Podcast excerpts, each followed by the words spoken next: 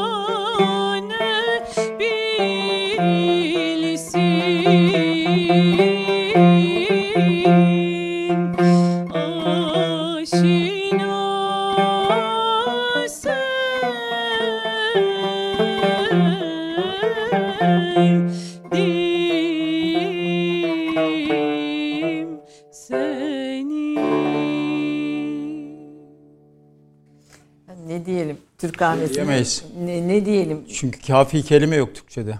Türkçe. Ama ne diyoruz? Aşk olsun diyor muyuz böyle? Aşk olsun diyoruz evet.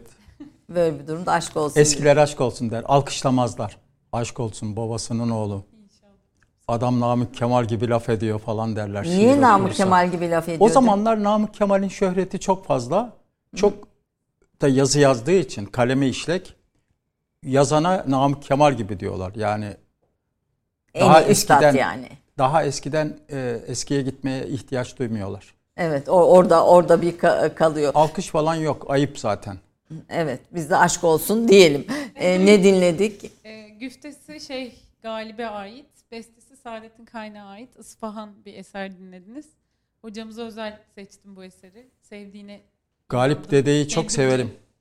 Seversiniz değil mi hocam? Çok. Var mıdır Galip Dede'den ezberinizde şiirler elbette vardır.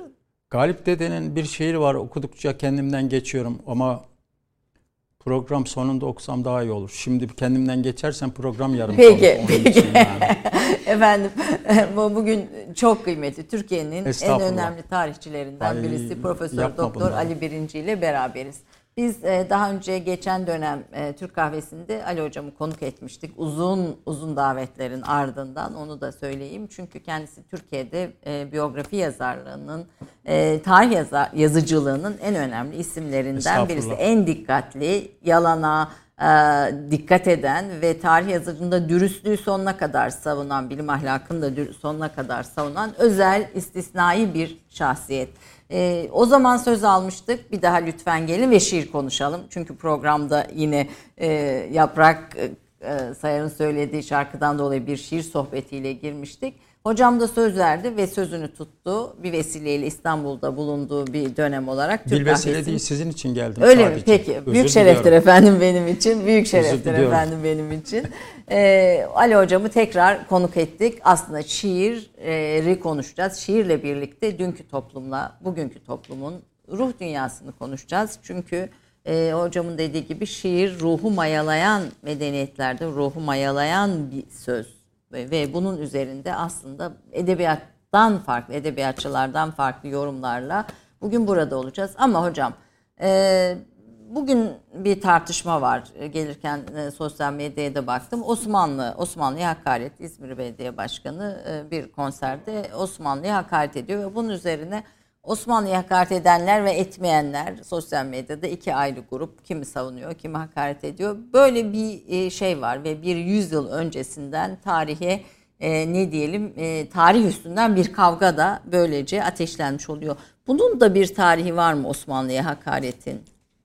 Şimdi efendim tarih her dava için size gerekçeler sunabilen bir alan.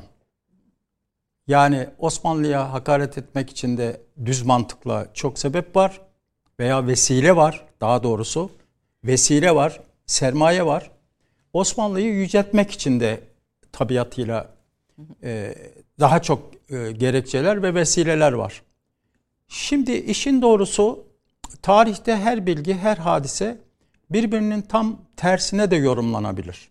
Yani kötü niyetli olursanız bilgiyi kötüye kullanırsınız. İyi niyetli olursanız iyiye yorumlarsınız. Biz buna yelpaze etkisi diyoruz. Şimdi hikayeyi duymuşsunuzdur. O çok e, mühim bir fıkra. Gelin çok fakir. Kaynanasının yaş gününde kaynanasına, kocasını da çok seviyor. Kaynanasına ucuz ama gösterişli, cicili bicili, şekilli mekilli bir yelpaze hediye ediyor. Fakat kaynana kötü niyetli. Zaten kaynanaların adeta e, en büyük rakibi oğullarını ellerinden alan gelinler. Daha başka rakip tanımıyorlar. Şimdi bu e, büyük bir sevinçle kaynanasına yelpazeyi hediye eden geline kaynanası teşekkür etti diyeceksiniz. Ama öyle değil. Normal olarak da teşekkür eder. Yani gelinin hali belli, fakir falan.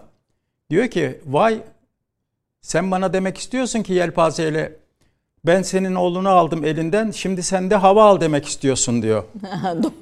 ben de ne diyecek, hani evet ne demek e, istiyor ama diye bunu söylüyor. Çünkü e, şöyle bir şey var. Bilgi de yelpaze gibi hem sola çekilebilir hem sağa çekebilir, çekilebilir. Her iki halde de Yani hem olumlu hem olumsuz kullanılır. Her iki halde de işe yarar. Şimdi gelelim bu tartışmaya. Şimdi rejimlerin değişikliğinde Avrupa'da da öyle. Fransız ihtilalinden sonra bilhassa mesela bunun tipik örneğidir. Eski rejim kötülenir.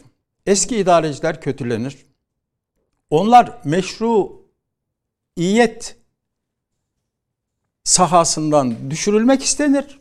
O sahaya yeniler oturmak ister. Bu çok normal. Yeni bir tarih yazılır. Yeni, Yeni bir, bir gece. tarih yazılır. Yeni bir tarih ne diyelim zihniyeti kurulur.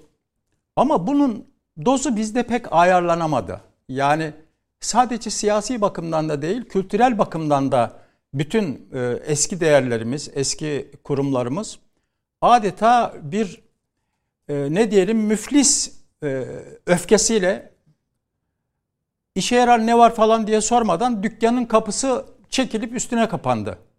Halbuki içeride çok kıymetli şeyler de var. Hiç şüphesiz yani Anadolu'da 10 asırlık bir birikim var Osmanlı tarihinin sonunda ve Osmanlı toplumunda.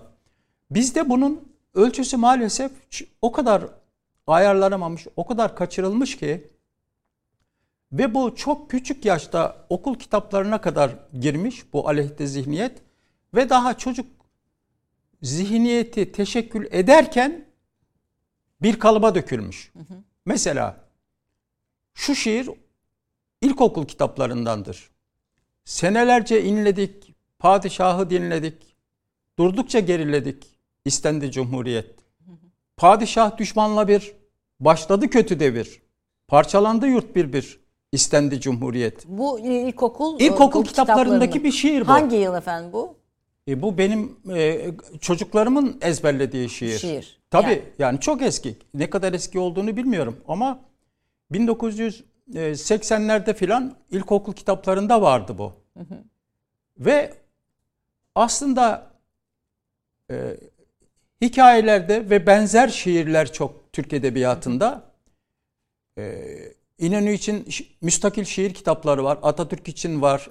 Örnek verilir en fazla. Kabe Arap'ın olsun Çankaya bize yeter. Kemalettin Kamun'undur malumunuz. Bunlara dair aslında hani padişaha metheden şairler, şiirler caize alıyorlardı falan denir. Cumhuriyet devrinde aynı gelenek devam ediyor. Yani iktidarı elinde bulunduranlar hakkındaki metiyeler kitap halinde de bir kısmı basıldı. Bu soruyu tahmin edemediğim için getirmedim. Çok fazla. Çünkü gelenek pek kolay değişmiyor. Netice itibariyle yani o Osmanlı'daki o, o padişahı padişah, öven e, gelenek Cumhuriyet'te tabii, de devam ediyor. Ama Osmanlılarda şöyle bir de zihniyet var. Osmanlı düşüncesinde bu mesela e, Safiye e, Erol'un romanlarında da var. Evet. Ve Çok şeyinde de var. Düz yazılarında da var. Çok önemli. Osmanlılarda bir bir bakıma manevi silsile-i meratip var. Mesela Safiye Erol'un makaleler kitabında okudum. Geçen başka bir yerde daha okudum. Çocuk soruyor annesine. Anne en büyük kimdir?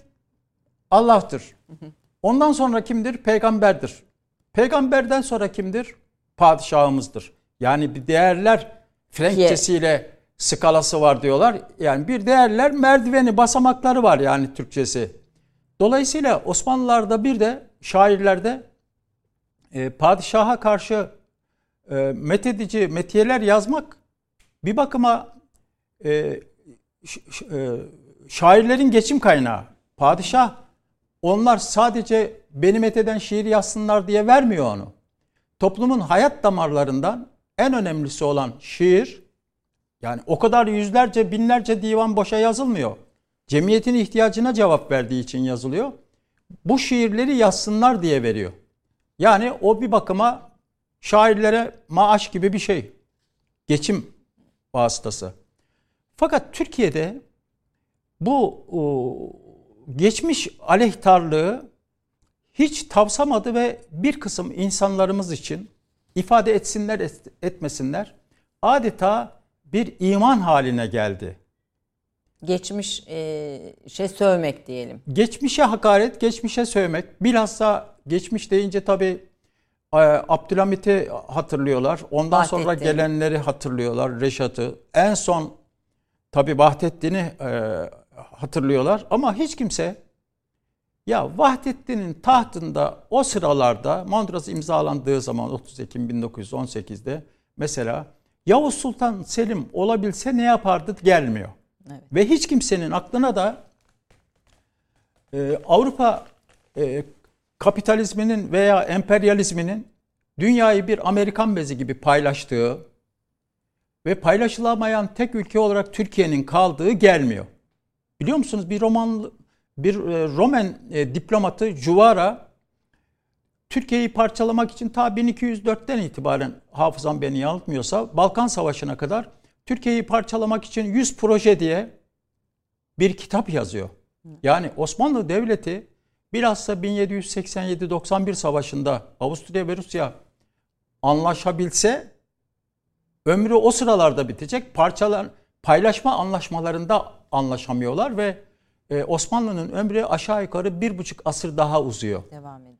Onun da siyasi tarih kitaplarında ismi denge politikası. 1898'den itibaren bu e, imparatorluk yolu yani İngilizleri en önemli sömürgesi Hindistan. E, Hindistan'a bağlayan yol. 1882'de Mısır işgal ediyorlar. O yolun malumunuz anahtarı. Çünkü 1869'da 10 yıllık bir çalışmayla Süveyş kanalı açılıyor ve yol çok kısalıyor. Ve o yolu korumak için önce Osmanlı'yı destekliyorlar. Sonra 1880'de vazgeçiyorlar. Çünkü e, Muhafazakar Parti seçimi kaybediyor. Muhafazakar Parti kaybediyor, Liberal Parti kazanıyor. Diyorlar ki Türkiye'yi artık korumasak da olur. Biz e, Rusları Akdeniz'de de durdururuz. Donanmaları falan çok ilerliyor. 19. asrın yarısından sonra e, sıvı yakıta geçiyorlar. Buharlar. Buhardan sıvı yakıta geçiyorlar vesaire. Dünyadaki bu İngiliz hakimiyeti ne düşünüp ve e, dünyanın nasıl paylaşıldığını düşünüp Osmanlı Devleti'nin çaresizliği içerisinde kendisini 1800 1798 yani Napolyon'un Mısır asker çıkarmasından itibaren destekleyen İngilizlerle anlaşırlarsa milli mücadelede milli mücadeleyi yapabiliriz diyen bir kısım zihniyet yanılıyor tabi tarihi temelleri var ama padişah da bu zihniyette yani Anadolu bana yaramaz tahtımdan vazgeçiyorum falan diye bir şey yok.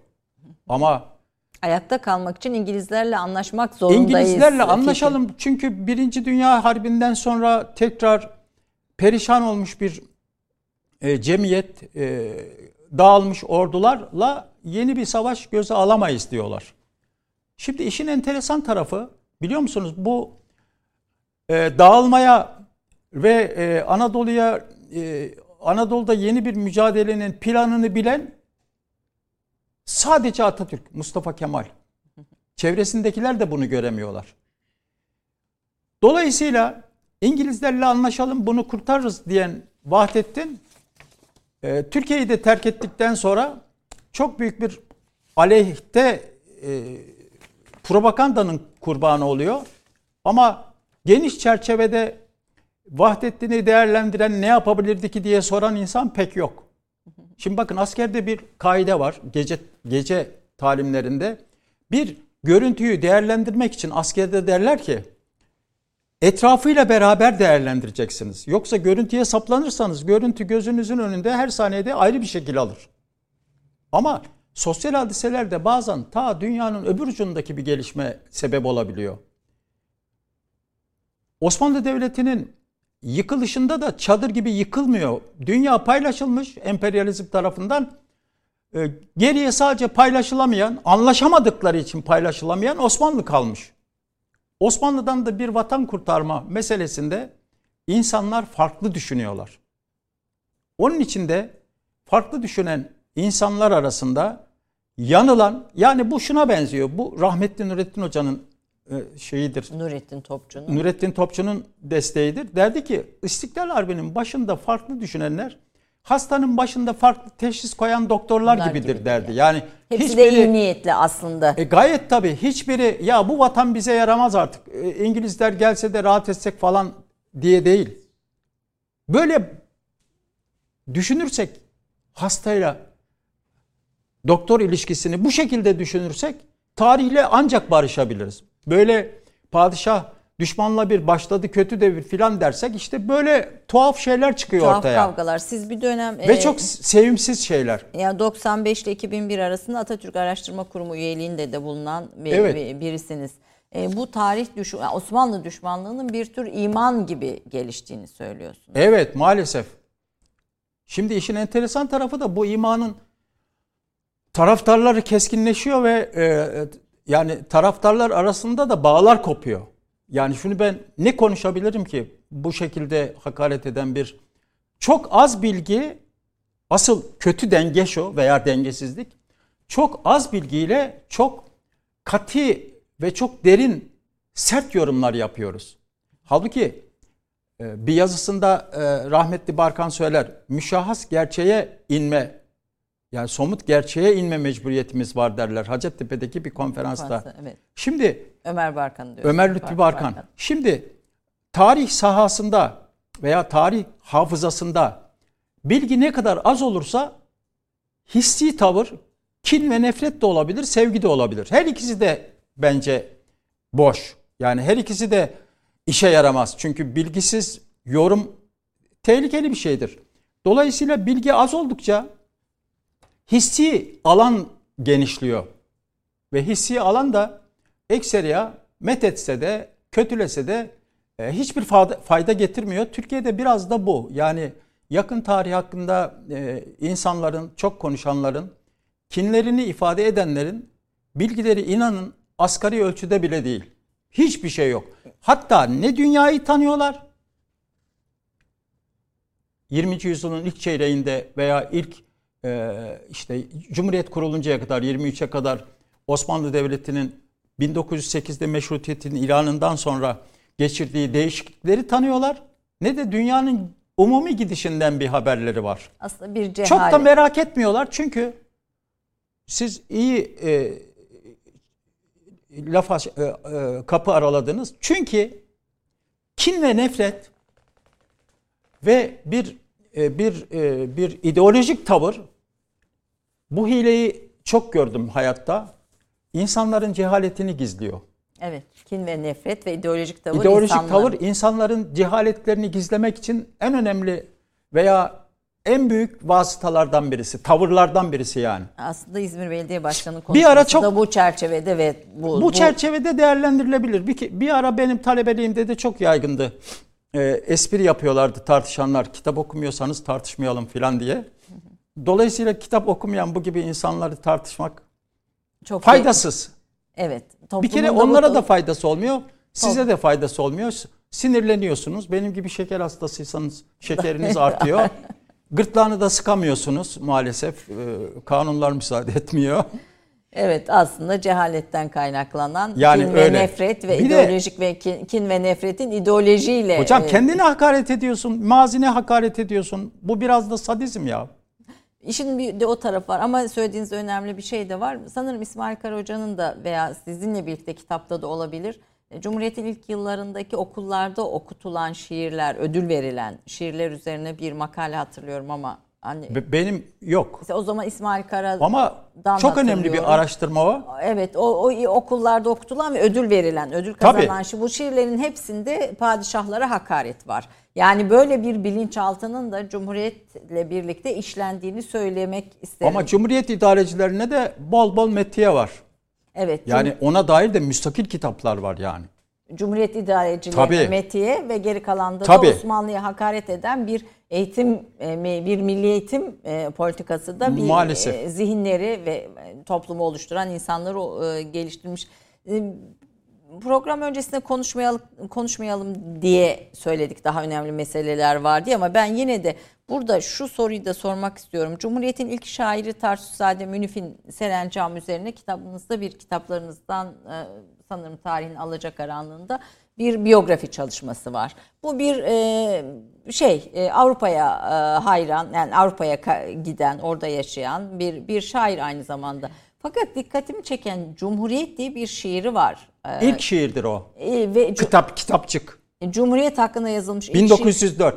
Ve orada da gene e, padişahlara hakaret var. Daha Tabii. cumhuriyet ilan edilmemiş. Yok, yani 1904. 4 zaten. Ha yani orada da padişahlara hakaret var. Tabii. Yani bu hakaretin şeyi Osmanlı'nın son döneminde Tabii başlıyor. tabii. Şimdi Osmanlı aydınları e, kötü kader deyince hep önlerinde padişahları ve bilhassa 2. Abdülhamit zamanında Abdülhamit'i gördüler. Yani mutlulukla aralarında bir duvar var o da Abdülhamit. Ama bu psikoloji çok yaygınlaştı. Mesela kitabında anlatır Mithat Cemal, Cemal Kuntay Mehmet Akif kitabında bir cuma selamlığında o zamanki usul herkesin yaptığı kınalı sakalıyla a- arabada atlı arabada görüyorlar Abdülhamit'i. Abdülhamit'i ve Akif merhum diyor ki e, kaçalım iğrenç iğrenç falan diyor. Yani öyle bir hava yaratılıyor ki bu e, Yahya Kemal'in yazısında çok iyi anlatılır. Fakat umumi bir hava var. Bu hava o kadar güçlü ki Mehmet Akif merhum bile bundan kurtulamıyor. Yani Mehmet Akif'in hani ben arzu ederdim ki biraz daha farklı olsun. Biraz daha serin kanlı.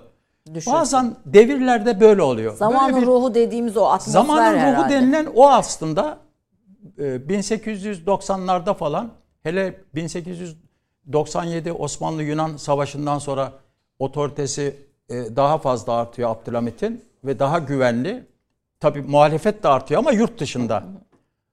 Ve dolayısıyla bu o, aydınların ne Osmanlı'yı tam tanıyan ne de Batı'yı tanıyan aydınların kafasında bugün de çok fazla farklı değil. Yani köy muhtarı seçiyorsunuz. Köyün her şeyinden o sorumlu. Ya siz niye sorumlu değilsiniz? Aynı cemiyette yaşıyorsunuz. Aydınlar niye sorumlu değiller? E, Neden e, dünyayı tanıyıp e, siyasi iktidarı ona göre değerlendirmiyorsunuz? Ama öyle bir hava nasıl çıktı o ayrı bir bahis. Ama genel bir hava var.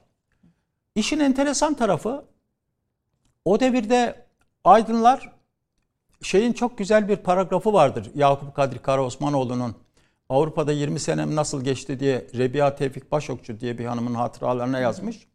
Orada diyor ki benim devrimde bütün ağızlarda aynı şikayet dolaşırdı Yakup Kadri.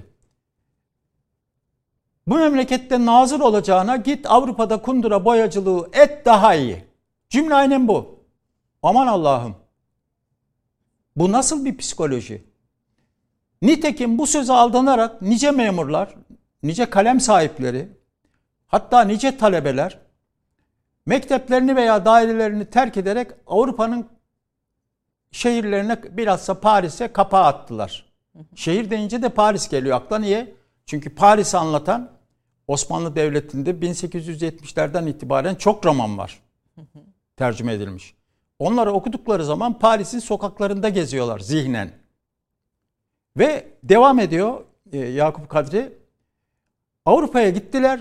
Ya birbirlerini dolandırarak ya evlerinden gelen mesela Yahya Kemal'in öyledir. Evle, evinden geliyor babası varlıklı. Evlerinden gelen paralarla idare ettiler. Ama bir tek Avrupalı'nın kundurasını boyamak hiç kimseye hiçbirine nasip olmadı diyor. Hatta bunlardan bazıları Miras yedi yani sonuçta. Evet. Hatta ama şöyle bir şey var şimdi. Ee, efendim. Şimdi nehirler aşağı akar ama insanlar hep yukarı doğru akar.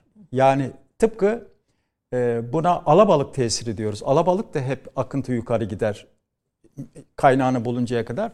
İnsanlar da e, kendi cemiyetlerini e, sadece kendi cemiyetlerini tanıyorlarsa ve görüyorlarsa çok fazla huzursuz olmazlar. Ona mesela Turhallı hep bir hallı diyebiliriz. Herkes bir hallıdır. Ama bir başka cemiyeti mesela köyde zengin bir evi gördükleri zaman dengeler bozuluyor. Huzur gidiyor. 19. asrın yarısından itibaren de bu romanlarla bilhassa çok seyahat eden yok. Ona dair mesela Paris'te yabancılar diye e, kitaplarda bölüm var. Ben bir ikisini e, inceledim. Avrupa'da çok az 1860'larda Türk var. Çok çok az. Ama hayaller Avrupa'da. hayalleri Avrupa ve bilhassa Paris süslüyor. Çünkü inanılmaz bir e, edebiyat tercümesi başlıyor Abdülhamit devrinde. Şimdi işin enteresan tarafı şu yani İstanbul'da yaşıyor ama yağmur yağınca diz kapaklarına kadar çamur oluyor. Hayalen Paris'te. Paris'i okuyanlar. Şimdi Paris'i okuyan artık İstanbul'da değil. Bedenen İstanbul'da, ruhen Paris'te. Ee, Onun için de Abdülhamit devrinde bir sürgünden bahsedilir. Hatta ve hatta Yahya Kemal'in kitabının adı Bir Sürgündür. Doktor Hikmet'in hayatıdır. Evet. Ama orada Doktor Hikmet sürgün değil, firari. Sürgün sadece 1897'de bu Taşkışla e, mahkemesinin sürdüğü 78 karar var. Birisini sürmemişler. Necmettin Arif, bu Binbir Hadis yazarı Mehmet Arif'in e, oğlu, doktor. Ya onu sürmeyelim filan demişler. O kalmış Necmettin Arif. Celalettin Arif biliyorsunuz milletvekili Erzurum. O kalmış 77 kişiyi sürmüşler. Bunun dışında inanılmaz bir firar hadisesi var. İnanılmaz ama. Ya biz bunları daha çok sürgün gibi sanki algılıyoruz ama biz bu sizin Ya e, açıklamanızla Evet. biz firar olarak Şimdi bakalım. şöyle o kadar Kaçış yani bir. kaçış tabii. O kadar bu firar e, şeyi kelimesi şartlandırmış ki insanları. Bir firarı anlatıyor. Yakup Kadri ama kitabın ismi Bir Sürgün. Çok da güzel bir kitaptır. Evet buradan Aslında Yakup Kadri'nin. Türkçesi çok güzeldir. Evet e, yani o efendim peki e, şairlerde bir Avrupa sevdası var. Hatta siz bu e, Tarsüzade Münif'in Serencam'ında Nis üzerine yani Şehrengiz bir şiir üze- bir şehir üzerine şiir yazan ilk e, Türk e, şairi olarak söylüyorsunuz. Benim onu. bulduğum ilk çünkü şöyle bir şey var. Bu bir kere inkılap tarihine pek girmedi. İnkılap tarihçileri e, böyle e, şeylere pek alaka duymadılar. Veya duymadılar gibi geliyor. Kitap da çıktı Tarsusuzade hakkında. Bu şiir o kitapta da yok. Yani kocaman kitap çıktı. Cumhuriyetten anladığımız manada Cumhuriyetten bahseden İsviçre'de 1904'te çıkan ilk kitapçık. Ama hiçbir inkılap tarihi kitabında bizim rahmetli Ercüment Hoca okutanlar okumaz derdi. Maalesef espriyle karışık ama hiçbir kitapta adı sanı yok. Ee, Mülkiye'yi bitirmeden gitmiş. İki Adanalı var Münif. Birisi Ali Münif Yeğena, birisi de Tarsuzizade Münif. Zengin bir ailenin çocuğu. Sonra dönmüş Cumhuriyet devrinde ama 1931'de ölürken kendi istedi galiba. Mezarında burada işte dünyanın en bedbaht insanı yatıyor falan diye de mezarına kitabe yazdırmışlar. O da enteresan yani en Yani bedbahtı. Cumhuriyet ilan edilmiş 8 sene olmuş ama hala bedbaht. Çünkü aslında şöyle bir şey var. Bedbahtlık esas itibariyle insanoğlunun içinde yani. Dışındaki bunun vesilesi oluyor. Arz edebiliyor muyum? O içindekini şiirlerle konuşalım. İkinci bölümde bir virgül koyalım buraya. Ee, mesela bir Niyazi Mısri siz konuşurken aklıma geldi. Niyazi Mısri'nin hayatına baktığımızda bedbaht olacak çok fazla şey olmasına rağmen başka bir tını görüyorsunuz o Ya gayet tabii. onu, onu bir reklamlardan sonra o zaman sizden dinlemek istiyorum. Bunun devamı. Efendim kısa bir reklam arası. Çok kıymetli bir tarihçi Profesör Doktor Ali Birinci uzun süre Türkiye'de Türk Tarih Kurum Başkanlığı yapmış. e, Atatürk Araştırma Kurumu üyeliğinde bulunmuş. Pek çok üniversitede öğretim üyesi olarak görev almış ve onlarca önemli kitabıyla çok kıymetli bir isim. Reklamlardan sonra buradayız efendim.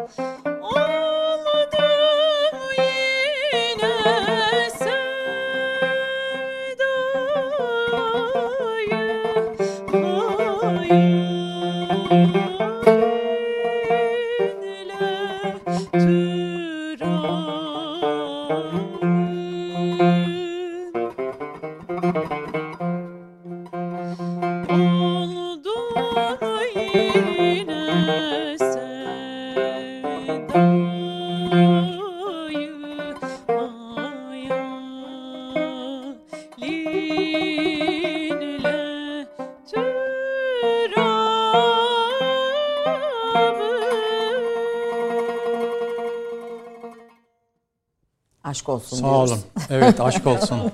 Aşk olsun diyoruz. Ne dinledik Yaprak? Evet, Bilmen Şen'e ait bir Acaba Şiran şarkı. Fasıl Muski'mizin önemli bir bestecisi. Hocamız da bilir zaten. Onu seslendirmeye Estağfurullah. Peki. Ee, şiiri biliyor musunuz hocam? Burada güfteyi biliyor musunuz? Yok hayır. Güfteyi de ilk defa. Nasıl buldunuz? Çok güzel tabii. Şarkı seçimi güzel Yaprak, Yaprak Hanım'ın. Hanım'ın değil mi? Böyle özel ve bir fark. Çok da seslendi. Bir de işini ciddiye alıyor. O az bulunan bir şey bizde. Öyle mi? Maalesef şark dünyasında azdır. Yani Nurettin Hoca'nın da bir kitabının girişinde var. Şarkta çalışmak ibadet olmamıştır. Angaryadır. bunu, bunu, bunu görüyoruz. da. Birkaç Ben- sene önce yani ep- epey oluyor emeklilikte. Yan tarafta e, bir bakanlık var. Oranın dördüncü katında çıkarken oraya yemekhanesine delikanlı var bir 90 boyunda neredeyse. Çalışmıyorum arkadaş diyor. Bu paraya bu kadar çalışılır diyor bakanlıkta. Halbuki halde limon satmaya kalksa ağzını burnunu kırarlar. Sokakta paranın dörtte birini kazanamaz. Evet. Ama böyle. Evet, evet. Ama siz tabii çalışkanlığınızla e, bilinen bir e, tarihçisiniz, hocasınız. Hocam Yok, Niyazi- kendimi meşgul ediyorum. Yani meşguliyeti nefs gerek. Çünkü siz nefsinizi meşgul etmezseniz nefsiniz sizi meşgul eder. Kötülüklere fırsat vakit kalmaması için çalışmanız lazım. Evet, iyilerin de ön plana çıkması için e, ön çalışmak Bir kere ahlakın bence ilk şartı çalışmaktır. Tembel adam, iyi adam asla olamaz, asla denilemez.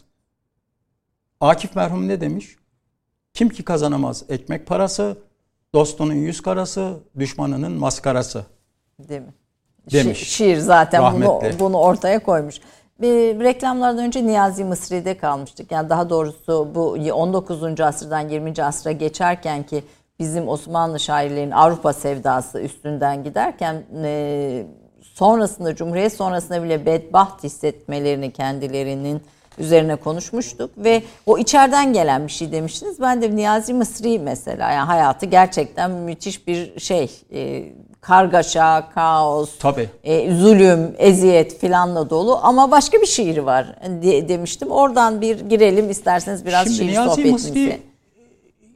Girerken e, bir erenlerden biri şöyle bir şey söylemiş. Mutluluğu dışınızda ararsanız asla bulamazsınız. İçinizde ararsanız belki bulabilirsiniz. E, tasavvufta zaten dünyanın dertlerini neşeye çevirmek geleneği var. Tasavvufun buna- şiirin bir özelliği. Şiirin özelliği ve tasavvuf şiiri o bakımdan insanlara yaşama gücü veren, e, dünyanın meselelerine hatta zenginliğine vesaireye esir olmamayı tavsiye eden bir şiir. Yani orada inşa edilmesi gereken şey gökdelenler değil, insanın kendi şahsiyeti. O bakımdan tasavvuf şiiri esasen her sanat insana iyimserlik vermeli. Hayatta yeteri kadar acı var. Bilhassa tasavvufi şiirde aslında halk şiirinde de öyle. Ama tasavvufi şiirde e, bu e, dünya ızdıraplarını küçümseyen, yok sayan hatta bir e, tavır var. Çünkü dünya böyle. Yani bizim e, bizim arzularımız etrafında dönmüyor. İyisi var, kötüsü var. Germüserdi var. E, o bakımdan e, geçmeden Niyazi Mısri'ye mesela Mıs şeyli e, Kerküklü bir Erbilli Ama Yusuf Garibi var.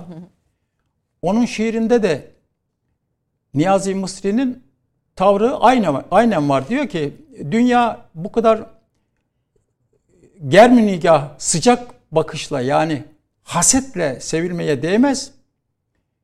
menfaat bin tane de olsa arkasından bir ah etmeye değmez. Kaldı ki diyor bir küçük menfaat için ruhunu ebediyen günah çamuruna bulamaya değmez diyor. Fuzuli sani de diyorlar Erbilli. Ama Yusuf Garibi ama iken Bunu görüyor. Bunu görüyor ama iken bir de öyle bir kültür içinde. Yani o bir kültür bazıları daha fazla faydalanıyor. Bazıları biraz vasatta kalıyor. Dünya bu kadar germünigah etmeye değmez. Bin şu hissi temkare bir ah etmeye değmez. Bir buse için damenini ruzu kıyamet alude-i çirkabı günah etmeye değmez. Şimdi Niyazi Mısri seyr sulukunu tamamlamış ve ruhu huzura kavuşmuş. Onun için de bu ünlü şiirinde Zat-ı Hak'ta mahremi irfan olan anlar bizi. Çok üst perdede bir şiir.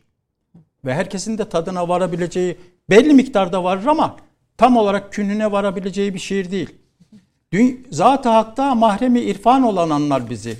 İlmi sırda bahri bir payan olan anlar bizi. Bu fena gülzarına bülbül olanlar anlamaz. Veçhi baki hüsnüne hayran olan anlar bizi. Dünya bir ükbayı tamir eylemekten geçmişiz. Her taraftan yıkılıp bir an olan anlar bizi. Biz şol aptalız bıraktık eynimizden şalımız. Varlığından soyunup üryan olanlar bizi. Kahrı lütfu şeyi vahid bilmeyen çekti azap. Ol azaptan kurtulup sultan olan anlar bizi. Zahida ayık yürürken anlamazsın sen bizi. Cürayı safi içip mestan olan anlar bizi. Arif'in her bir sözünü duyma insan gerek. Bu cihanda sanmayın hayvan olan anlar bizi. Ey Niyazi katremiz deryaya saldık biz bugün. Katre nice anlasın umman olan anlar bizi. Halkı koyup la mekan ilinde menzil tutalı Mısriya şol canlara canan olanlar bizi. Şimdi bu şiir dünkü insanımızın hayat acıları karşısında yıkılmamasını sağlıyor. Şimdi bu şiirde ki mesajlar tasavvufi şiirin hemen tamamında var ama en keskin şekilde bu şiirde e, yansımasını buluyor. Eskiler şiiri adeta bir manevi gıdanın başlangıcı gibi görüyorlar. Bir kere sevdikleri şiiri küçük kağıtlara yazıyorlar. Bu önünüzdeki gibi. Evet. Ben bunu bir inter- kameraya gösterebilir miyiz? İnternetten almıştım. Küçük kağıtlara yazıyorlar ve kitapların arasından çıkıyor. Bazıları e, eski sah- sahaflar satıyorlar bunu. Ve şiir hayatın bir parçası. Şimdi e, açık söylemek gerekirse ruhun en büyük gıdası Osmanlı cemiyetinde. Ben sadece şeyden bahsetmiyorum. Bakın e, Anadolu'nun en ücra köşesinde bile kahvelerde, sohbet meclislerinde şiir adeta matineleri var. Oralarda futbol maçından bahsedecek halleri de yok. En önemli şey yeni yazılan şiirler veya yeni keşfedilen şiirler ve bizim eski kültürümüzde bu halk şiirlerini yazdıkları mecmualara supara diyorlar. Bir başka ismi sığır dili. Çünkü onlar böyle ince uzun yazılıyor. Oluyor oluyor. Onun için sığır Bir başka yani. ismi de tabii onun için bir başka ismi de cönk deniyor. Fakat bizim şiirimizde maalesef bir felaket var. O da şu. Çok hızlı şekilde Batı karşısında ezildiğimiz için Cumhuriyet devrinde de çok hızlı şekilde çok düşünmeye, plan yapmaya falan vaktimiz olmadan değişme arzusu duyduk. Şimdi ünlü İngiliz medeniyet tarihçisinin e, bir nazariyesi var. İki cemiyet karşılaştığı zaman Toynbee'nin yani. Toynbee evet onu diyecek. İki cemiyet karşılaştığı zaman iki tavır ortaya çıkıyor. Bir, zayıf cemiyet güçlü cemiyeti taklit ediyor. Ona benzemeye çalışarak güç kazanmak istiyor. İki, zayıf cemiyet kendi içine kapanıyor. Bir kısım Afrika e, kabilelerinde olduğu gibi Osmanlı Devleti'nin sonundan yani Cumhuriyet'in ilk yıllarından itibaren de biz çok ezildiğimiz için düşünün 1911 ile 1900 barışa kadar 23 arasında 12 senemiz savaşla geçmiş. Müthiş ve bir- birçok toprak Bu- parçası bu- kaybedilmiş. Tabii. Ölümler zaten. Ve bu aslında bu sadmeyi veya bu e, yıkımı hazmetmek, göğüslemek, anlamak bugün için çok zor.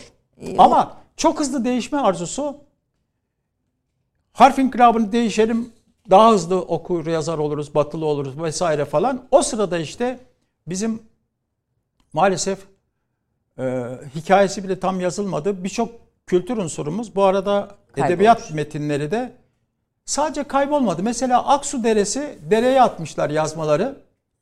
Ya bizim camide bile bir 5-6 e, raflı bir kütüphane vardı köy camiinde. 1980'den sonra askerler Kur'an ve hadis hariç bütün kitapları tahrip ettin demişler. İmam mezarlığa gömmüş. O emri bulamadım ben. Ama harf inkılabı yapıldığı zaman da 28'de aslında mesela jandarma korkusundan Aksu Deresi mürekkep atmış. Bütün bütün kitaplar, yazılar, A- metinler atıyorlar. deri- Ya jandarma görmesin diye Kur'an hariç. Saklayan da var ama çok az. Dolayısıyla bizim eski e, ruh zenginliklerimizin büyük bir kısmı böyle tahribata uğramış. Biz şimdi mesela Anadolu'da e, nerelerden çıktı e, cönkler divan şiirine dair olsa mecmua deniyor malum haliniz. Onları pek bilemiyoruz.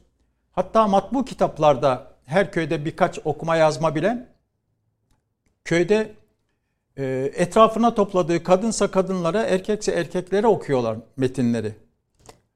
Bu şiir okuma geleneği yani halk şiirinin içinde de e, bazı ülkelerde hala sürüyor. Mesela İran'da çok dikkatimi çekmişti. İran'da kültür hayatı çok zengin. E. Yani bir, bir taksi şoförü hafızdan size bir Müthiş. şey söylüyor, bir beyit söylüyor, bir şey bir sorunuza Tabii. cevapla.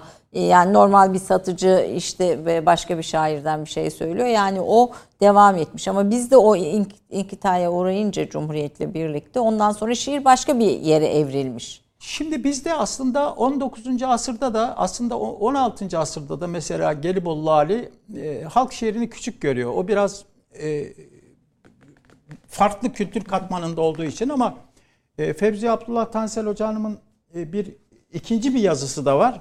Halk şairlerimizin küçümsenmesi ve tahkiri meselesi. Batı ile karşılaşanlar bilhassa halk şiirini küçümsemeye başlıyorlar ve e, halk şiiri küçümsenirken e, şehirlerden belki biraz biraz kovuluyor ama Anadolu'da aynen yaşıyor. Mesela halk şiirinin Türk cemiyetinde ne kadar e, büyük bir e, rolünün olduğunu Çankırılı Ahmet Talat Onay çok güzel anlatıyor. Gerek Çankırı şairlerinde birinci ciltte gerekse Tokatlı Nuri Çankırı'da da ünlü olan Tokatlı Nuri hakkındaki kitabında anlatıyor. Şimdi Çankırı'da e, senede bir yapraklı panayırı oluyor. Yapraklı panayırında Afrika'dan ve Hindistan'dan bile insanlar geliyor. 999 dükkanı var yapraklı panayırının. Ahmet Talat'a göre e, Kurunu Ula'dan yani ilk çağdan itibaren bu panayır var. Ve Orta Anadolu'nun en büyük panayırı. Sadece tüccarlar gelmiyorlar. Aşıklar da toplanıyorlar. Hem mahalli hem Türkiye çapında. Mesela Erzurumlu Emrah, Dertli, e, ondan sonra e, Develili Seyrani, Kalecikli Mirati ve diğerlerinin isimleri var kitapta. Toplanıyorlar. Memleketlerine giderken aynı zamanda şiirlerle dönüyorlar. Çünkü çok sevdikleri şiirleri alıyorlar suretini. Hatta şiir irticalen okunmuş ise aynı anda Yazıyorlar. Şairinde olmayan şiirler Anadolu'da halkta dolaşıyor. Ve enteresandır. 1885 doğumlu 20 yaşında e, İstanbul Edebiyat Fakültesi için ayrılıyor Çankırı'dan. Onun Çankırı'ya çok büyük bir kere hizmeti var. 1956'da rahmetli oluyor. Hatıraları yaşıyor. Kitaplardan bazıları sonra da basıldı. Divan Edebiyatı'nda mazmunları hazırladı büyük emeklerle Cemal Kurnaz Hoca. Şimdi mesela onun dikkati çektiği bir şey var. Bir kere Çankırı'da diyor 2-3 tane tekke var. Ama Çankırı'da e, esnaf teşkilatları var. Esnaf teşkilatları hem terbiye ocağı hem esnaf disiplin hoca. Mesela 1900, 1899'da doğan Çankırılı Tahsin Ait Uygur var. Onun dedesi esnaf şeyhi. Birisi suç işlediği zaman e, esnaf teşkilatı toplanıyor ceza Yani ceza bir kesiyorlar. toplumsal e, denetleme, kontrol Tabii mekanizması ceza oluşuyor. kesiyorlar. Bir de 24 genç toplanıyor. Bir e, gençlik sohbet merkezi kuruyorlar. Şimdi Çankırı'da diyor benim 20 senem zarfında bir iki suç, bir iki cinayet, bir iki hırsızlık oldu diyor. Bunu şiirin ve o sohbetlerin gücüne Bunu bağlıyorsunuz. şiirin ve sohbetlerin gücüne bağlıyor. Şimdi divan edebiyatına dair, tarihine dair araştırmalar var ama divan edebiyatının yani ben rastlamadım belki de vardır edebiyatçılar bilmiyorum. Divan edebiyatının Türk cemiyetinde e, Türk insanının e, ruhuyla olan alışverişine dair ve cemiyet içindeki fonksiyonuna dair pek bir şey görmedim. Okumadım. Halbuki çok fazla. Neden diyeceksiniz? Çünkü daha önce de bahsetmiştim. Latinler logos spermatikos diyorlar ama gebe bırakan söz. Ama aslında söz en keskin manasını şiir içinde buluyor bir. Ee, vecizeler içinde buluyor. İki. İki, yine şiir şeklinde halk şiirlerden alınmış halk arasında atasözleri gibi dolaşan e, beyitlerde buluyor. Bir iki örnek vermek gerekirse şimdi bir kere mesela onlardan nasıl örnek verelim?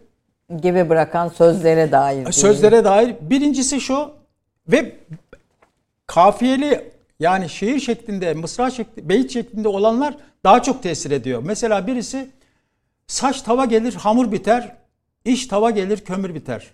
Veya saç tava gelir kömür biter, iş tava gelir ömür biter. Ondan sonra e, Yahya e, şey Namık Kemal'in bir beyti var.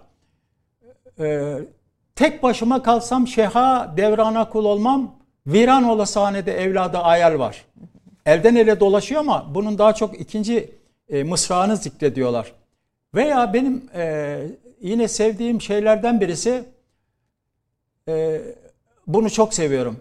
Bir gün okuyup yazmasam meşkelden gider. Kimin bu hocam? Yahya Kemal'in. Hayır. O Ya, Halk, anonim halk, halk, anonim. veya ben bilmiyorum. Bir gün okuyup yazmasam meşkelden gider.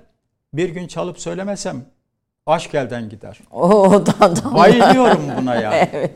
Bayılıyorum. Bir de tabii duvarlarda Ayşe Hanım bizim hanımlar e, herhalde birilerine yazdırıyorlar. Duvarlarda bilhassa Bursa ipeklerine işledikleri beyitler var.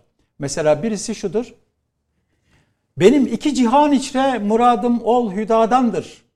Ümmidim ruzu mahşerde Muhammed Mustafa'dandır. Yani öbür dünyaya giderim ama ümidi var. Ve ümidi olduğu için de yani e, ölüm aklına geldikçe ağlamıyor insanlar. Bedbaht olmasını da engelleyen Ve- biraz e, önce. Gayet tabii yani zaten Müslümanların şöyle Mesela bir- temel düşüncesi şu. Dünya Hristiyanların ahiret Müslümanların diyorlar. Bu aslında biraz da pasif bir bakış tarzı. Onun için dünyayı biraz küçümsüyorlar.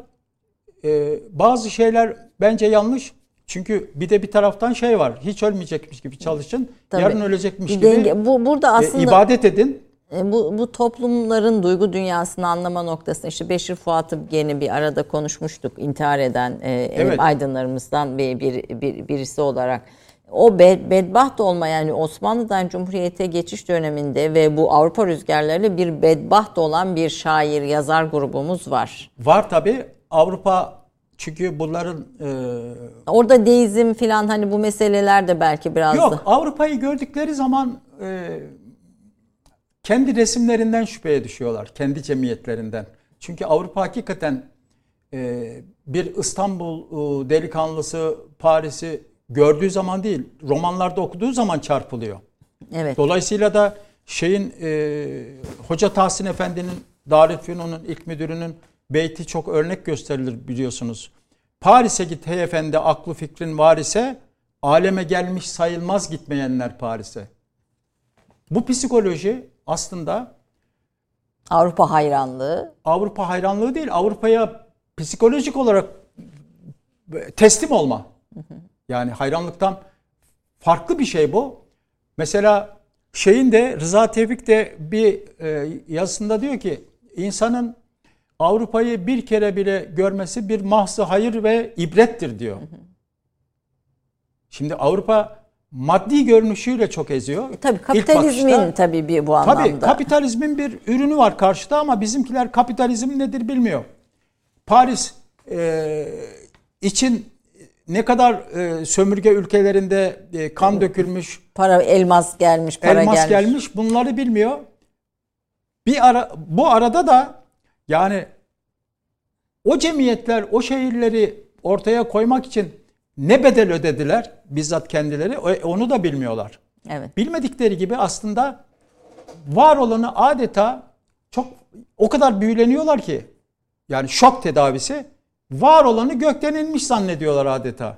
Ha- Halbuki onun bir sebebi var. Efendim buraya da bir virgül koyacağım. Bir reklam arasına gideceğim. Reklamlardan sonra kaldığımız yerden devam edelim. Efendim Türk kahvesinde son bölüm hiç gelme istemediğimiz yer oluyor. Çünkü önümüzde daha konuşacak çok konu oluyor. Profesör Doktor Ali Birinci Hoca ile birlikte şiirlerin dünyasını konuşuyor. Şairlerin dünyasını ve şiirlerin aslında toplumun ruh haline e, tercüman olma konusunu konuşuyoruz. Şiirlerle birlikte tarihi konuşuyoruz diyebiliriz. Şiir kahve içmek gibidir. Orada sözün değeri, lezzeti, insan ruhuna tesiri ortaya çıkar e, diyor Ali Birinci Hoca.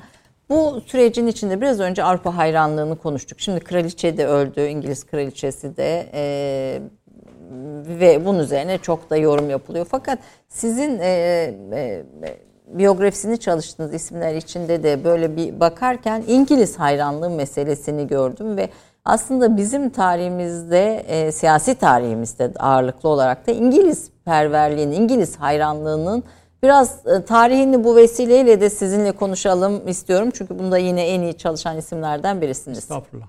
Şimdi efendim e, hakikaten e, üzerinde güneş batmayan sömürge imparatorluğu Türkiye'de birçok aydını adeta büyülemiş gücüyle, kuvvetiyle, tekniğiyle, sosyal hayatıyla. Fakat bu İngiliz e, perestliğin e, ben yazıma o başlığı koymuştum. İngiliz perestliğin bir de tarihi temelleri var. Yani biraz makul bir perestlik ama ölçüsü yok tabi. O da şu. Şu bu kitapta bu makale var diye baktım. Evet, evet. evet, evet. Bu O kitapta şu, tarih yolunda. Evet. Ee, o da şu. Şimdi 1898'de Napolyon İngilizleri dize getirmek için İngiliz yolu Mısır'dan geçiyor malumunuz iktisadi yol. Yani e, gemiler Hindistan'dan malı alıyorlar. Süveyş kanalının güney ucuna bırakıyorlar. Oradan mallar İskenderiye limanına taşınıyor. Yol çok kısalıyor. 8000 kilometre filan zannediyorum. Oradan İngiltere'ye götürüyorlar filan. 1859-69 arasında 10 senelik bir çalışmayla Fransız mühendis Ferdinand Lesseps kanalı açıyor. Aslında Osmanlı'da farkında o kanalın açılması Yavuz Sultan Selim zamanında da konuşuluyor ama diyorlar ki buranın stratejik değeri artar, elimizde tutmak zorlaşır. Onun için açmayalım, açmıyorlar. Fakat yol açıldıktan sonra İngilizler 1882'de Mısır'a el koyuyorlar. Şimdi İngiliz perestlik bu Mısır meselesinden başlıyor adeta. Napolyon Mısır'a asker çıkarınca İngilizler kendileri için Osmanlı'ya yardımcı oluyorlar ve Napolyon askerleri oradan kovuluyor. Daha buraya, sonra buraya şöyle bir parantez açayım. Buyur. Ee, Osmanlı'nın ilk borçlanmasında e, İngilizlerden e, aldığı ilk borçta e, değer olarak karşılık olarak Mısır'dan alınan vergi gelirleri gösteriliyor. Mısır toprakları ile çok zengin Çok ve zengin, tabii. Osmanlı'nın da ciddi bir vergi kaynağı o Tabii, dönem tabii. içinde. Buyurun. Tabii. Şimdi işin enteresan tarafı şu.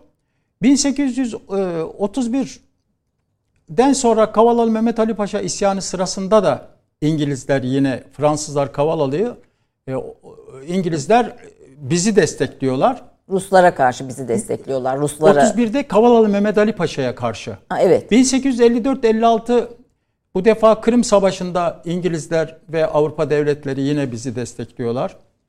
93 Harbi'nden sonra da bu çok kötü Ayastefanos Anlaşması'na karşılık Rusların Osmanlı Devleti'ndeki e, hakimiyetleri veya güçleri artınca ortaya kocaman bir Bulgaristan çıkıyor, Ermenistan kuruluyor vesaire. İngilizlerin desteğiyle bu defa Berlin Anlaşması yapılıyor. İngilizler yine bizi destekliyorlar. Ve Osmanlı aydınlarında ve devlet adamlarında bu hadiselerden sonra bir İngiliz hayranlığı ortaya çıkıyor. İngiliz hayranlığı ikinci meşrutiyetin adeta en büyük sebebi. Şöyle düşünüyor aydınlar. Buna dair vesikalar Erol, Ulubelen diye bir e, eski hariciyecimiz tarafından yayınlandı. İngiliz gizli belgelerinde Türkiye diye. Yani söylediğim hiçbir şey yorum değil.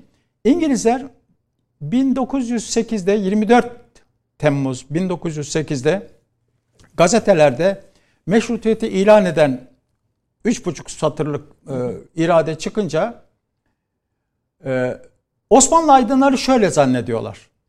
Diyorlar ki meşrutiyet ilan ettik. Meşruti iradeyle e, İngilizler işbirliği yaparlar. Çünkü daha önce mü, müstebit bir padişah vardı. O müstebit olduğu için işbirliği yapmıyorlardı. Hı hı. Halbuki bu arada 1800 İkinci. Mahmut'tan bu yana da İngilizlerin şeyi var yani. Evet. Halbuki var. bu arada e, 1880'de İngiltere'de Muhafazakar Parti kaybetmiş. Osmanlı Devleti'nin bütünlüğünü müdafaa eden. Liberal Parti kazanmış. Artık Osmanlı Devleti'nin bütünlüğü e, İngiltere'nin çok fazla e, umurunda değil. Dolayısıyla İngiliz düşmanlığı Rusya ve İtalya'nın şey e, Fransa'nın yanına eklenen İngiltere'ye karşı Almanlara Almanlarla dengelemeye çalışıyorlar bu düşmanlığı. Buna tarihte malumunuz denge politikası deniyor. Bizimkiler zannediyorlar ki 1908'de meşrutiyet, meşrutiyet ilan edildiği zaman gelsin çaylar gitsin kahveler İngilizler bizi bağırlarına basacaklar. Ve Biz de bütün e, ekalliyetlerle beraber meclisi mebusanı toplayacağız ve böylece Osmanlı Devleti kurtulacak. Ama durum Fakat böyle olmuyor. Tabii. Durum böyle olmuyor. Erol Ulubele'nin yayınladığı vesikalarda var. İngilizler diyorlar ki destekler gibi görüneceğiz ama desteklemeyeceğiz. Hatta İstanbul'a İngiliz Büyükelçisi Sir Gerald Lauter geldiği zaman meşrutiyetin ilk günlerinde e, sokak göstericileri arabasının atlarını söküyorlar. Elçiliğe kadar yaşasın İngiltere, yaşasın kral diye bağırarak arabayı elçiliğe kendileri götürüyorlar çekerek. Müthiş bir şey. İstanbul yani, sokakları. Yaşasın İngiltere avazeleriyle çınlıyor. Bunun üzerine İttihat Terakki tekrar çok tenkit ettikleri Alman politikasına dönmek zorunda kalıyorlar. Ama ancak bu arada bir şey oluyor. Mesela 1911'de Osmanlı aydınlarından burada ismini verebiliriz çünkü kitapta yayınladık. 1911'de Osmanlı aydınlarından Rıza Nur bu mülkün hali ve atisi ancak İngiliz dostluğuyla olur diyor. Kaimdir diyor. Hı. İfade bu.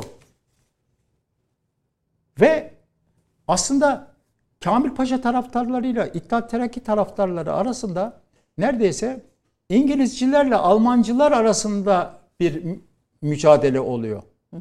Yani bir başka isimlendirmeyle isimlendirmeyle böyle isimlendirebiliriz. Şimdi bu e, düşünceden yana olanların yazdıkları şeyler var. Ürperirseniz bunlardan hiç değilse e, birinden biraz e, birkaç satır okuyayım. Sen İngiltere senin mukadderatını İslamların ve Türklerin mukadderatından kim ayırabilir? Milyonlarca Müslümanın kim ne derse desin saadetin müstakbelesini, refah ve saadetini temin vazife-i tarihiyesi senindir. Bu ne ya? Sen bu tarihi vazifeyi elbette ifa edeceksin. Ey medeniyetin mümessilleri, cihan medeniyetine yeni bir devre açmaya çalışırken hak ve zulmün bir taraf bir hakimi olun. Bu yani arada dünyadan bir haberler yani yani bir haberler dünyadan bir haberler ne olup bittiğini yani nasıl bir İngiltere olduğuna dair bir haberler gerçekten. E, maalesef ben eminim ki Avrupa hükümetlerinin muavenetiyle sükun ve asayiş temin edilecektir. Şimdiye kadar Avrupa devletleri bizden cuda duruyorlardı. Çünkü hatta hareketimiz muvafık değildi. Almanya'nın olduğu gibi Fransa'nın, İngiltere'nin, Avusturya'nın müzaharetini kazanacağımı kazanacağımızı ümit ediyorum. İngiliz, İyi mi? İngiltere tarafından işgalinde ne hissediyor peki böyle düşünen toplum veya siyasiler veya o dönemin aydınları? Çok iyi bir soru. Şimdi 1911'de Rıza Nur deminki cümleyi söylüyor. Fakat Birinci Dünya Savaşı'ndan sonra yani mütareke devrinde 30 e, Ekim 1918 tarihinden sonra İstanbul'da tekrar ikinci meşrutiyet ilan ediliyor. Yani İttihat Terakki diktatörlüğü bitiyor. Tekrar matbuat hür hale geliyor. Tekrar 8 sonrasında olduğu gibi fırkalar kurulmaya başlanıyor. Burada da İngiliz perestlerin İngiliz perestliği biraz daha güçlenmiş bir şekilde savaştan çıkıyor. Biraz tezat gibi görünür. Şöyle diyorlar. E, Almanların yanında yer aldığımız için İngiltere bizi cezalandırdı. Onun için böyleyiz. Onun için böyleyiz diyorlar. Hatta bazı gazeteciler diyorlar ki mesela bilhassa Alemdar'da Refi Cevat aslında medeniyet İngiliz medeniyetidir. Hatta İngiliz çakısı Alman çakısından daha üstündür. Bunu bilmiyoruz diyorlar. Teşbih aynen bu. Ve deminki Rıza Nur Misak-ı Milli'nin kabul edildiği İstanbul Meclisi mebusanında 28 Ocak 1920'de bir konuşma yapıyor. Konuşmadan şu çıkıyor ortaya. İngiltere daha önce bize söz verdi. Büyük devlettir, sözünde durur. İngiltere'ye güvenin, gerisini merak etmeyin. Müthiş bir teslimiyet. Asla mübalağa etmiyorum. Hatta hatta 16 Mart 1920 İstanbul'un işgali Şehzadebaşı'ndaki askerlerin e, katledilmesinden sonra yapılmış Sultanahmet mitinginde konuşanlardan biri yine Rıza Nur. Orada daha geniş bir şekilde Batı medeniyetini e, hoş tutarsak, bilhassa İngiltere ile anlaşma yaparsak, İngilizlere güvenirsek bu işin halledileceğini söylüyorlar. Ve o daha uzun bir konuşma. Ve zannedersiniz ki İngiliz hariciye vekili konuşuyor. Bakın bu söylediklerim dinleyenlere biraz e, aşırı gelebilir ama açsınlar misak-ı milli tartışmalarını. Kitabı çıktı, meclisten çıktı. E, misak-ı milli tartışmalarına dair olan metinler ve misak-ı milli metni. Açsınlar mesela yeni çıkan İstanbul mitinglerine dair e, hacimli Bölümü. bir kitap çıktı. Bütün e, konuşmalar var orada. Orijinal metinleri var. Sadeleştirme falan değil. E, Tahsin Yıldırım Bey'in. Orada bu konuşmalar aynen var. Asla ve asla e, tarihte en önemli şey şahısların hakkını yememektir. Evet. Bir, aşırı iltifat etmek işi. iki e, hakkını yemek ve küçümsemek hizmetlerini. Burada bir şey daha söylememiz lazım. Bu anlattıklarımı Rıza Nur hatıralarında anlatıyor biliyor musunuz? Bir Hatta öz şu- eleştiri yapıyor mu peki? Yani Hayır. Şöyle anlatıyor. Ee, basılmamış bir, bir hatıratı var. Gene 480 sayfa hayatım diye hülasa diyor ona. O Paris Milli Milli Kütüphanesi'nde ama internetten okuyabiliyorsunuz. Hem basılmamış hatıralarında hem de e, basılmış hatıraların ikinci cildinin son sayfalarında, son 15 sayfasında falan diyor ki e, Ankara ile İstanbul hükümetinin tevhidi mesai yapması için gittik diyor ama bize hayır muamelesi yaptılar. Ee, bize hayeti nasaha olarak bizi gördüler. Halbuki diyor biz tevhidi mesai için gitmiştik. Tevhidi mesai yapılsaydı ne olurdu diyor. Hatta Ankara'ya giderken Geyve'de onları tecrit ediyor Geyve Kaymakamı Hamdi Namık Gör. Ve Ankara'dan izin alınıyor. Ankara gelsinler diyor. Gidiyorlar Ankara'ya trenle. Trende Halide Edip adı var da var. Ee, şey de var. Yunus Nadi. O- Ona da dokunacağım. Ee, var. Bunlar hep beraber gidiyorlar. Sonunda Ankara treninde e, 2 e, Nisan'da hoş bulduk konuşmasını Halide Edip adı var yapıyor. Fakat işin enteresan tarafı şu. hatıralarında e, Rıza Nur Atatürk'ü tenkit ederken met ediyor ister istemez. Şöyle şimdi diyor ki gittik biz geri döneceğiz dedik. Bize Ankara'ya. kötü muamele yaptınız dedik. Bilhassa beraber giden Yusuf Kemal Tengirşenk e, daha çok sinirlendi. Ben muhakkak dönüyorum dedi. Atatürk de dedi ki bize Atatürk tarziye verdi. Yani özür diliyor. Atatürk de bize dedi ki ya gitmeyin. Adama ihtiyacımız var. Nereye gidiyorsunuz? Ondan sonra bu ikisi yani Rıza Nur'la Yusuf Hayır. Kemal Tengirşek e, bakanlık bakanlık bakan oluyorlar. Geziyorlar. Yani Yusuf Kemal Hariciye Nazır oluyor. Hariciye Vekili. Ee, şey Sağlık Bakanı oluyor Zanur. Fakat Atatürk gitmeyin diye bize yalvardı diyor adeta. Ama Atatürk'ü met ediyor. Yani adama ihtiyacımız var diyor. Sizin kabrisinize katlanıyor adam. İşin enteresan tarafı inkılap tarihçilerinden biri, onun ismini söylemeyeyim izninizle. Ee, Rıza Nur'un heyeti NASA'dan olduğunun bir uydurma olduğunu yazıyor. Çok az kaynakla. Halbuki Rıza Nur'un kendi kitabı da kendi hatıralarında bile heyeti NASA'dan olduğu var.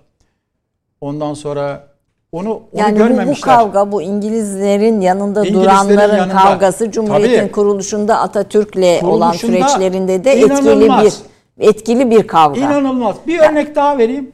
Sakarya Meydan Savaşı'nın 1921 malum.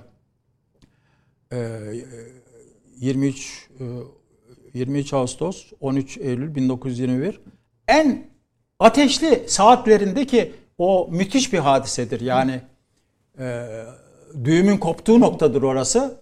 O savaş.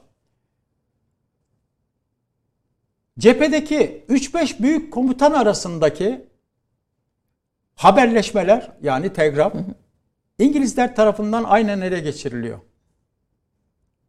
Ama Yunanlılara verilip verilmediği şüpheli ve muhtemelen verilmiyor.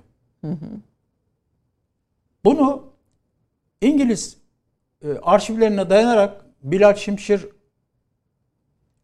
e, Sakarya'dan İzmir'e kitabının Milliyet'ten çıkan ilk baskısında 212. sayfasında yazdı.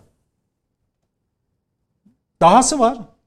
Yani ne kadar kuvvetli onu e, söylemek istiyorum. Dahası var. Bu e, Lozan anlaşmalarının meclisteki tartışmalarını muhtemelen birkaç tanesi, birkaç milletvekili günü gününe İngilizlere veriyorlar. Falan şunu dedi, filan bunu dedi diye.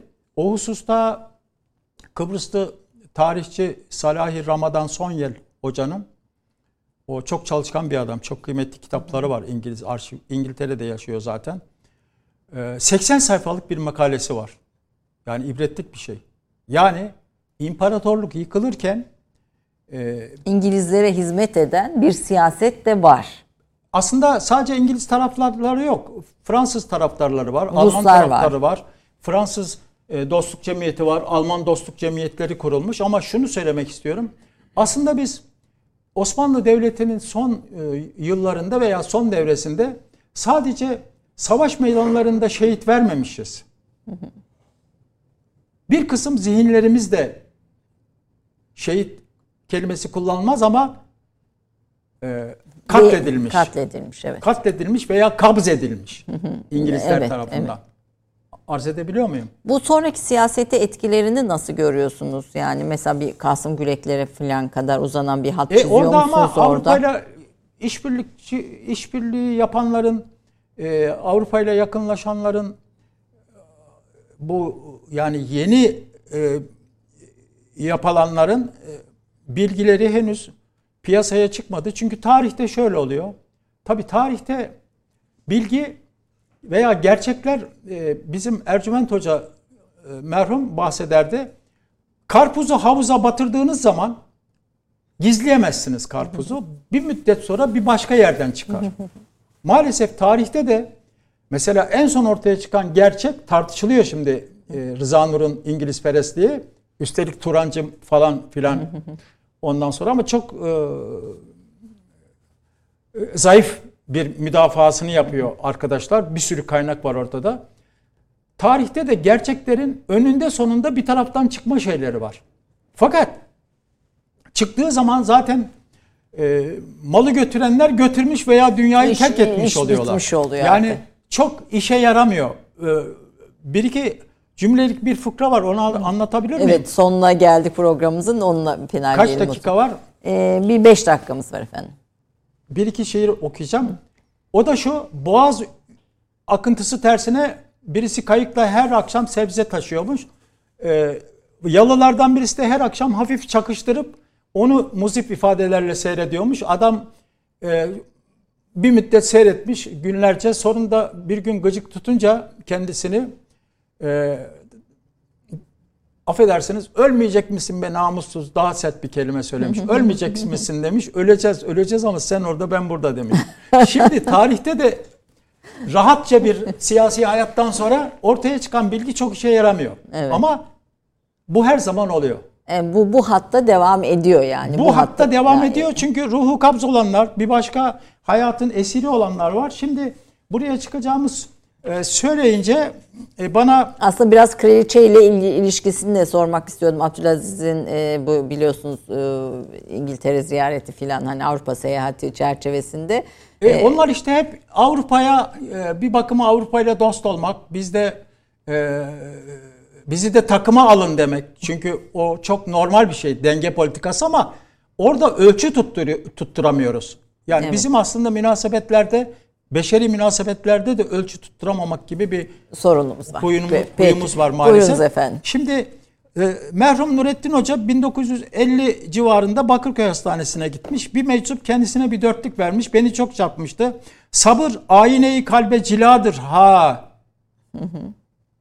Yani e, çok enteresan bir şiir. Yılanın kuyruğun basma beladır ha. Kobu felek türlü cefa kılsın safadır ha. Can gözü ile her dem gördüğün hüdadır ha. Tasavvufi bir şey ve halk zihniyetinin bir Yansıması. yansıması bu. Nurettin de Topçu'nun akıl hastanesine gittiğinde Al- bir hasta al- tarafından aldığı- verilen ona verilen bir şey. aldığı, evet. Bir de şöyle bir şey var. Şimdi bazen küçük bir dörtlük insanı çok büyük e, yollara saptırabilir. Mesela e, bana çok dokunan sadece şiir değil vecizeler var. Şiire ilaveten. Mesela birisi şudur. Güzel bedenler için zevk, güzel ruhlar için ızdırap gerektir. Yani hayatın zevkinin sonu yok. Bedbaht olursunuz. Şeyle bitirelim o zaman. Perişan Baba Tahir'le o da çok enteresan. Ee, Başım bir top gelen bir kez vurur be. Redifi çok güzel. Be. Be- Tükürüyor. Evet. Başım bir top gelen bir kez vurur be. Elim neye atsam birden kurur be. Eğer alçaklarınsa kahpe dünya gider taher bir özge yer bulur be. Şimdi bununla bitirelim efendim. Valla sahiden e, bilgi hazinenizden daha çok çok başlık illaki çıkar. Ama biz sizden yine bir dahaki program, bir sonraki dönemde tekrar Ay, söz bu alalım. defa söz vermiyorum. Bu defa şahitler huzurunda. Ya yolculuk çok zor geliyor ama belli olmaz. Belli olmaz. Bir Bugünkü nasip- psikoloji bu. Evet bir nasip olur. Çok çok teşekkür Kısmet. ediyorum efendim. Sağ olun bu güzel sohbet için. Ee, Yaprak seninle finalleyelim. Şimdi en son olarak Nikos Ağa'ya ait hocam. Hicazkar bir şarkı. Akşam olur güneş gider şimdi buradan. Evet. Akşam olur